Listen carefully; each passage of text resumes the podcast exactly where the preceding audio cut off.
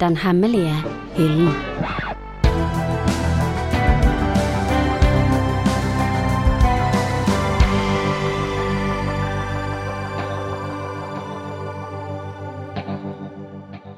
Hei, og velkommen til Den hemmelige hyllen, årets første episode. Og I Den hemmelige hyllen snakker vi om bøker som vi på biblioteket mener burde leses av flere. De står ofte litt gjenglemt på ymse steder rundt omkring. Samler støv i noen tilfeller. Og slik kan det ikke være. Det er mange bøker som har kjempegod kvalitet, som fortjener et større og mye bredere publikum. Og til å løfte frem disse bøkene har jeg tatt med meg to av mine kollegaer. Det er Joanna og Hanne, begge fra Hovedbiblioteket. Hei.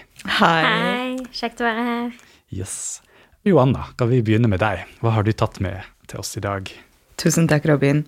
Eh, jeg må innrømme på en litt arrogant vis at jeg tror at jeg naila den hemmelige hyllen i dag, på grunn av at jeg har funnet en bok som det viser seg veldig få har hørt om, og det gjelder både boken og forfatter. Og det mener jeg virkelig. Jeg har faktisk bokstavelig talt tatt en runde blant mine kolleger på biblioteket, og ingen har hørt om Solveig Kristoff og hennes roman 'Tilfelle Martin'. Og det er den boken jeg tok med meg. Um, det var en veldig fin innledning, um, Robin, hvor du sa at det er bøker som samler stoff på det. Jeg føler at den har bokstavelig samlet en del gram støv på magasinet. Vi har bare ett eksemplar. Og jeg holder den nå i hendene mine. Men før jeg sier noe om forfatter, og før jeg sier noe om boken dere kanskje trenger en mini-bakgrunnshistorie. Og jeg lover å ikke snakke for mye om det, men jeg leste den først på polsk i Polen da jeg var 14 eller 15. Og i Polen på den tiden, det er litt mindre av det nå, man kunne kjøpe bøker overalt. Og jeg mener bokstavelig talt overalt. På gata, i tunnelet, på stasjonen, på busstoppet sto folk med sånn plastbord og solgte bøker. Og min far kjøpte en bunke av bøker til meg på en sånn sted, jeg tror det var i en tunnel på togstasjonen i Krakow, fra Poznańske forlag, som spesialiserer seg på skandinavisk litteratur. Og han kjøpte fem-seks bøker til meg fra, fra, det forlaget. Blant dem var tilfellet Martin. Det er en kort roman eh, som gjorde så sterk inntrykk på meg at jeg kunne ikke helt glemme den. Når jeg kom til Norge da jeg var 18-19, så jeg spurte folk om har de hørt om den boken. det her. Eh, jeg har lest den en del år siden, og den bare var så slående og rar. Og nei, ingen har hørt om den. Og så glemte jeg om hele saken. Men så kommer vi tilbake til den podkasten og det konseptet, og jeg tenkte den boken, den må jeg finne frem, og det må jeg snakke litt om. Så, så det var litt sånn bakgrunnshistorie. Eh, Solveig Kristoff eh, var en norsk forfatter. Hun var født i Drammen. Um, og husker ikke nøyaktig når hun var født, jeg tror det var som kanskje 1916-1919, men jeg kanskje tar feil. Hun døde i hvert fall på 80-tallet i Oslo. Og hun het opprinnelig Solveig Fredriksen, men har senere endret navnet sin til Kristoff. Det er basert på familienavn til mannen hennes. Og hun skrev stort sett noveller og skuespill, og hvorav to av hennes skuespill ble oppført på Nationaltheatret. Og hennes dikting er preget av sånn veldig sånn psykologisk innsikt og eksperimentering. Hun ble sammenlignet med Hemingway, for eksempel. Og um, ja, så um, Tilfellet Martin er en roman som kom i 1970. Er kanskje hennes mest kjente. Eh, selv om, som dere sikkert har hørt av det, den er ikke så kjent. Eh, den handler om en ung gutt. Han heter Martin. Og Martin eh, stjeler en båt en dag og tar den til som nærmeste øy. Og vi vet ikke helt hvorfor han gjør det, um, men uh, det som skjer på den øya, er at det kommer en nygift par som bor på en hytte. Det er bare en hytte og, og busker og, og, og, skog. Og de vet ikke at Martin finnes der. Men Martin ser dem, observerer dem, hver eneste dag. Og det blir veldig fort veldig klaustrofobisk. Det blir veldig fort veldig rart. Det blir veldig fort veldig um, ubehagelig. Vi vet ikke hvorfor Martin er der, vi vet ikke hva han har gjort. Og hele historien er fortalt fra hans perspektiv, og ikke bare det, men han snakker til seg selv i tredje person gjennom hele romanen. Um, og jeg, når jeg leste den på polsk, så kjente jeg ikke helt uh, det som jeg ser nå når jeg leser den på norsk, nemlig at det finnes en slags rytme og klang i den historien. Jeg, som sagt, jeg vil ikke avsløre så mye om narrativet, for jeg syns det er kanskje ikke den viktigste, og det kan man oppdage selv. Men selve leseopplevelsen er veldig Jeg vil sammenligne det litt med som å se på Lynch-film.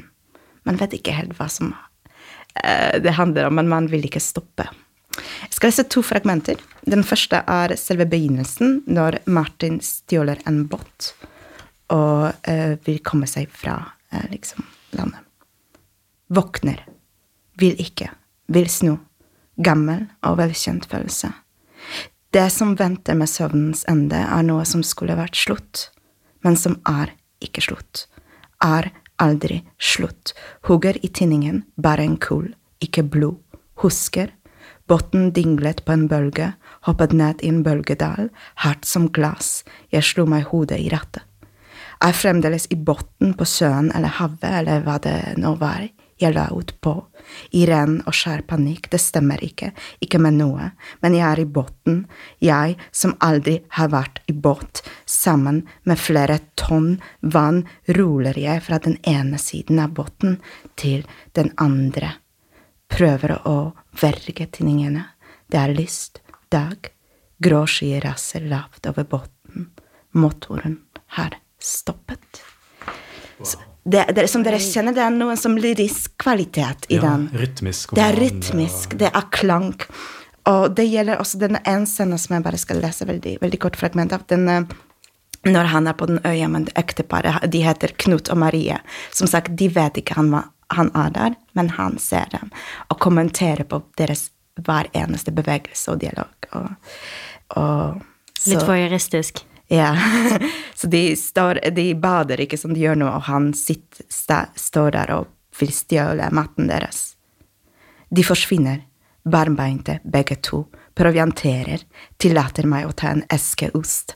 De har flere, så kan jeg siden bruke esken til å hente smør, kalde poteter, tomat, brød og kjeks, sukkerbiter, tre flasker vin i skapet, ikke årgang og ikke merke, enig med dem der, dyr eller billig vin, det samme sølet, vel bekomme, åler meg på plass, fins ikke bedre hjemsted på øya akkurat nå, lite sannsynlig at de vil finne teppe i buskaset, de bruker lang tid, de kommer, stemmen hennes kommer først, det er noe med den stemmen hennes, hess, nesten rusten, men det blir en klang igjen efter den, en ring av klang i luften. Så det, det man, man leser den boken nesten som man opplever en som slamme eh, poesi. Det er noe der det er så rytmisk og klanglig. Og jeg vil absolutt anbe jeg vil anbefale den boken til alle som vil oppdage norsk litteratur, som er kanskje litt hjemglemt. Jeg vil anbefale den boken til folk som har litt lesestopp, som syns det er vanskelig å lese, eh, men har lyst til å lese noe i god kvalitet. Den er veldig lettlest bok, korte setninger, rytmisk. Og kanskje de som er glad i sånn i, i oro.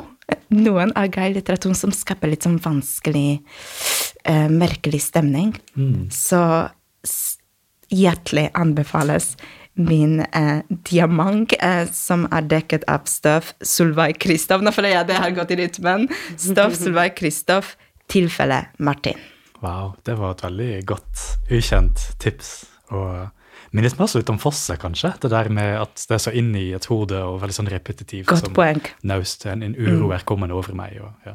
Veldig godt poeng. Fosse og lunsj i god Ja. synergi. For en combo! Wow. Hva med deg, Hanne? Hva har du tatt med til oss? Eh, jeg har tatt med noe som er mye mer kjent, men absolutt ikke kjent nok. Og det er en bok som jeg tenkte passer helt perfekt til vintertider, og til å krølle seg foran peisen med tøfler, eller i mitt tilfelle som ikke har peis. En bok som kan gjenskape den eh, samme følelsen. Eh, og det er sjakknovelle av Stefan Zweig, som vi har i samlingen både på nynorsk og på bokmål. Og eh, Luksus. Yes! For en gangs skyld. Og um, det er ganske viktig å vite litt om forfatteren, eller han har i hvert fall en veldig interessant eh, livshistorie. Han var en av de absolutt bestselgende forfatterne på det tyske språket, og han ga ut utrolig mange bøker mellom 1900 og 1942. Hvis man ser på utgivelseslisten, så er det sånn Hvor mange kopper kaffe drakk han for å få dette til? Kan man lure på. Men det som er litt gøy med romanene er at de er veldig spennende, de er veldig dramatiske. Og vi ser på de som klassikere nå pga. tiden som har gått, men dette var populære, bestselgende romaner som var i virkelig stor sirkulasjon. Og de er fulle av intriger og dramatikk, og språket er også ganske svulstig og utfyllende. Og så er det ofte en forteller som har en mening om det de forteller, så det føles veldig fortrolig. Det som er så trist, og som bidrar til at Sveig er mer, eh, mindre kjent enn man kanskje skulle tro, basert på hvor mye bøkene hans ble lest, eh, er at Sveig så bøkene brent av nazistene i sin livstid. Så han var eh, jøde, og han gikk fra å være en av sin tids mest kjente forfattere, eh, virkelig, til å bli tvunget i eksil. Så vi kan absolutt spørre oss om at er den veldig, veldig omfattende ødeleggelsen av bøkene hans en grunn til at de ikke er like mye lest i dag som man skulle trodd? Og faktisk eh, så endte han opp med å begå selvmord i eksil sammen med konen sin Lotte, fordi han ikke kjente igjen verden han levde i. Han kjente ikke igjen et Europa der man blir tvunget i eksil for å være den man er. Eh, og i brevet han etterlot seg, så skrev han blant annet Mitt eget språk har forsvunnet fra meg, og mitt spirituelle hjem, Europa, har ødelagt seg selv. Og så sa han, jeg hilser alle vennene mine, måtte det bli gitt dem ennå å se morgengryet etter den lange natten. Jeg, altfor utålmodig, går i forveien. Så ja. Um, han etterlot seg også eh, verden av i går, som handlet nettopp om det han mente hadde gått tapt, da. Um, som en slags selvbiografi? Absolutt. Si. En selvbiografi, men også en biografi av en tid mm. som han kalte, i hvert fall oppveksten, the golden age of security. Mm. Men så eh, skulle jo den boblen sprekke, så det hele blir beskrevet med et veldig vemod, men det er også en homasj til eh, spesifikke deler av europeisk kultur og Wien som han vokste opp i, så den, den, er absolutt veldig munter. Man glemmer konteksten den ble skrevet i, så den, det er en annen verden av i går. Mm. Men eh, ja, grunnen til at han ikke kjente Europa igjen, var at han var veldig uttalt internasjonalist. Eh, han vokste opp i eh, Sveits og i Østerrike, men som voksen så reiste han rundt Europa og han tenkte på det som en naiv tid full av optimisme, men også som en tid der mange typer kultur blomstret. Teater, eh, litteratur og kunst, og det kan vi jo virkelig se eh, i ettertiden at det stemte. Og han var virkelig en del av denne blomstringen, og på en måte setter han det veldig på spissen. Og noe ikke alle vet, er at Wes Anderson sin Grand Budapest Hotel er inspirert av Stefan Zweig og hans verden. Og karakteren, som er spilt av Jude Law, som er en sånn mystisk forfatterfigur som observerer og skriver ned, det er Stefan Zweig bak eh, bart og briller. Så det er veldig fint, og den er også basert på fragmenter fra novellene hans.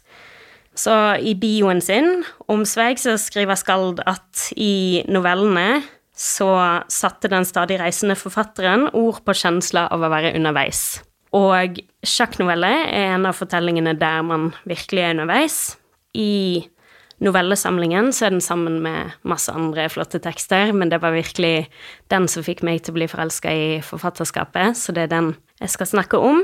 Og den finner sted eh, på en dampbåt på vei til eh, New York fra Buenos Aires. Og der, på den båten, er verdensmesteren i sjakk, Mirko Sjentovic. Og som vanlig i Sveig så er jo fortelleren en forfatter som finner ut av dette og blir nysgjerrig. Og så har vi også en skotsk ingeniør, McConnor, som er litt hovmodig, som har lyst til å utfordre verdensmesteren i sjakk til eh, et parti.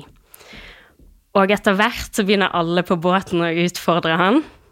Og helt eh, når dette når sitt klimaks, så kommer det en mystisk mann som vi ikke har sett før, Dr. B, og slår verdensmesteren. Og så er spørsmålet hvordan kunne han klare det? Og der har vi utgangspunktet for novellen. Så den er virkelig en sånn trøffel av en uh, fortelling. Og den er også en av de novellene som dras fram som virkelig perfeksjonerer formen uh, novelle. Så jeg skal lese litt fra starten av den, og det er når han skriver om sjakk og opphøyer sjakk, som sikkert mange sjakkfans her i Norge vil kjenne igjen. Og dette er når han nettopp har funnet ut at Mirko Sjentovic er der og skal reflektere rundt sjakk. Jeg hadde aldri før i livet hatt sjansen til å bli kjent med en sjakkmeister. Og jo mer jeg strevde med å leve meg inn i en slik persontype, jo mer umulig ble det å se for seg hvordan det var å ha et levebrød der hele tankeverdenen ene og alene dreide seg om 64 svarte og hvite felt. Av egen erfaring kjente jeg den løgndomsfulle dragkrafta til det kongelige spelet, dette eneste av alle de menneskeskapte spela som suverent unndrar seg tilfellets tyranni og premierer ånda, eller rettere sagt ei bestemt form for åndelig utrustning. Men er det ikke ei utilbørlig forenkling å kalle sjakk et spel? Er det ikke også en vitenskap, en kunst? Svever det ikke mellom disse to kategoriene som Muhammeds sarkofag mellom himmel og jord, som er et unikt bindeledd mellom alle motsetninger, urgammelt og evig nytt, mekaniske oppstillinger, men bare verksomt gjennom fantasi, geometrisk og romslig avgrensa, men uendelig i tallet på kombinasjoner, stadig i utvikling, men likevel sterilt, ei tankeverksemd som ikke fører noen sted hen, en matematikk som ikke regner ut noe, en kunst uten verk, en arkitektur uten byggemateriale. Og like fullt er det beviselig mer bestandig i sin eksistens og sitt nærvær enn alle bøker og verk. Det eneste spelet som hører alle folk og alle tider til, sendt til jorda for å gjøre ende på skeisøndag, skjerpe sansene og utfordre sinnet, av en gud som ingen veit hvem var. Og hver begynner og slutter det. Wow, det var fint. Ja. Sant? Og også veldig dramatisk på, på et sett. For meg blir det nesten bittersøtt, for jeg kan ikke spille sjakk. Og det får meg som lyst åh, å, å lære seg bare for å kunne delta i det universet og kunne snakke på den måten om uh, opplevelse. Så det er definitivt ambisjoner for 2023. nyttårsforsett. Han selger det veldig bra. Veldig bra. Man føler på en måte Queen Gambit-nivå. Ja, men sjakk har en sånn Det har en eh, status, kan man si, over, over andre ting. Så det Men enten man kan sjakk eller ikke, jeg er heller ingen sjakkmester, eh, så er det en veldig fin fortelling. Og om man ikke kan sjakk, så blir man i hvert fall veldig interessert. Nettopp. Solgt. Kult. Takk for den gode omtalen. Siste bok som jeg skal snakke om, ikke noe maritimt uh, tema, dessverre, og heller ikke dette med å være på vei. Tvert imot, det er en bok som heter Heim, og som handler om å være hjemme, og hva et hjem er. Og dette er en helt ny bok. Den kom i 2022, og er da skrevet av Ingrid Seth Aanestad, og det er en essaysamling. Og grunnen hvorfor jeg vil trekke den fram, er at altså her på biblioteket, på Hovedbiblioteket i Bergen, så er det jo sånn at faglitteratur står på andre etasje, mens skjønnlitteratur står på første etasje. Og da er det jo sånn at denne boka her er litt sånn gjemt bort blant fagbøkene som handler om litteraturvitenskap. Og der uh, er det ikke alle som finner den. Den kunne egentlig like gjerne stått blant skjønnlitteratur, fordi den er veldig sånn litterære essays som uh, ja, er veldig spennende å lese og har på en måte mer til felles med skjønnlitteratur enn med faglitteratur, vil jeg påstå. Men Heim er altså ei essaysamling der forfatteren eh, leser ulike verk fra andre forfattere som handler om dette med hjem og hva er et hjem, og som ja, reflekterer rundt det i forhold til sitt eget liv. Og um, veldig tidlig i boka får vi på en måte inntrykk av hvorfor forfatteren gjør dette, hvorfor dette prosjektet ble startet. Og jeg tenkte bare lese prologen til boka til å starte med. Den går som følgende. Det var noe jeg trong å finne ut av. Det hadde med livet sjøl å gjøre. Jeg hadde eitt ord, heim.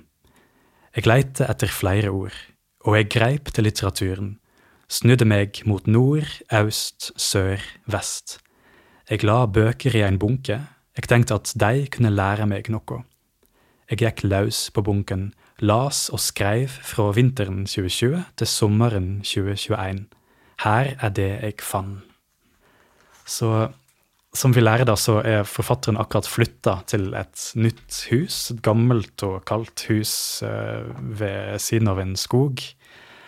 Og um, dette er selvfølgelig noe veldig stort for forfatteren, og hun føler et behov da for å ja, utforske dette med hvordan skal jeg klare å skape et hjem ut av dette kalde, gamle huset.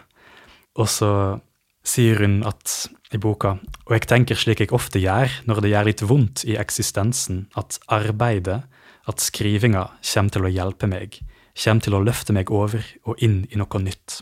Så det er derfor da hun starter med å lese disse utvalgte bøkene. Og hva slags bøker er det hun skriver om?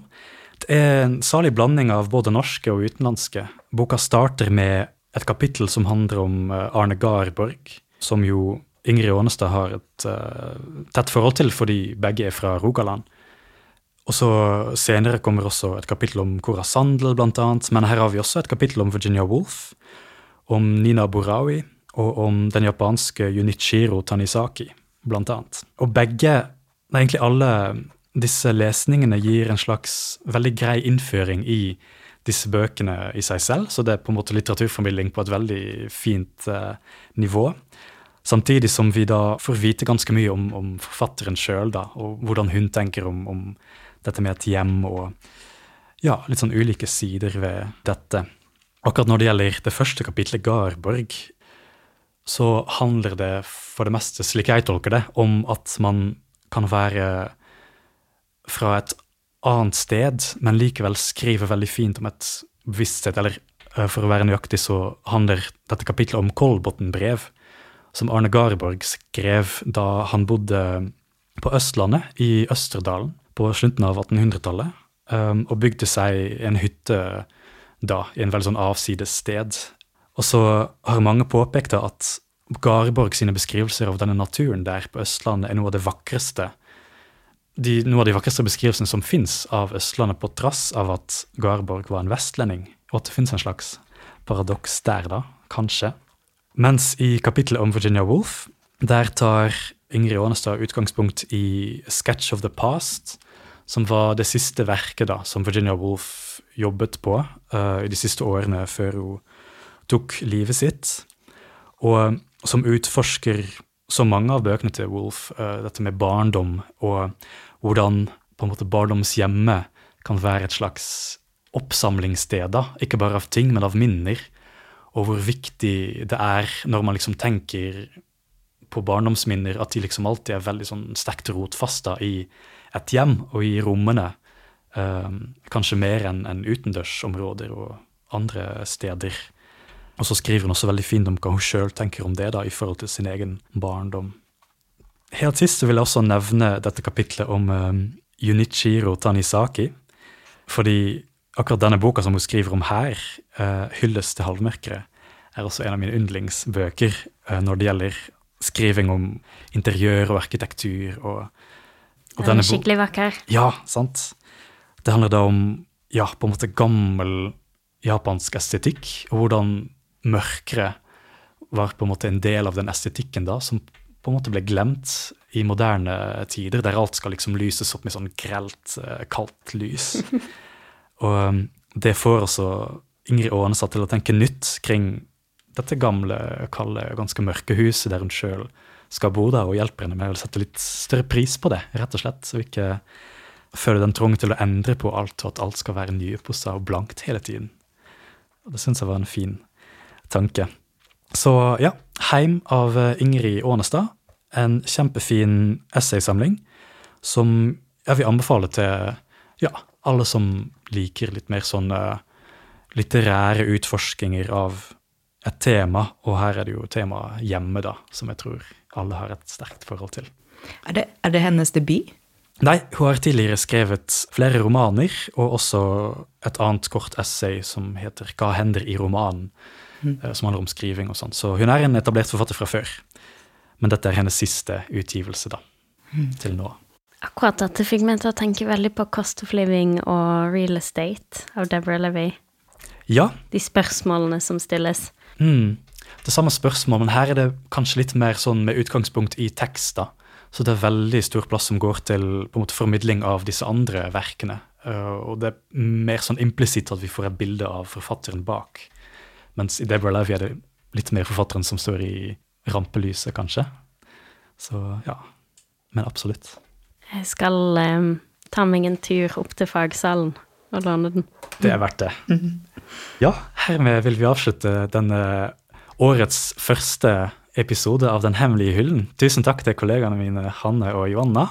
Tusen takk, Robin. Kjekt å være med. Yes, og så ses vi, høres vi, neste gang. Du har lytta til en podkast fra Bergen offentlige bibliotek. Du finner flere podkaster fra oss på våre nettsider bergenbibliotek.no, eller der du lytter til podkast.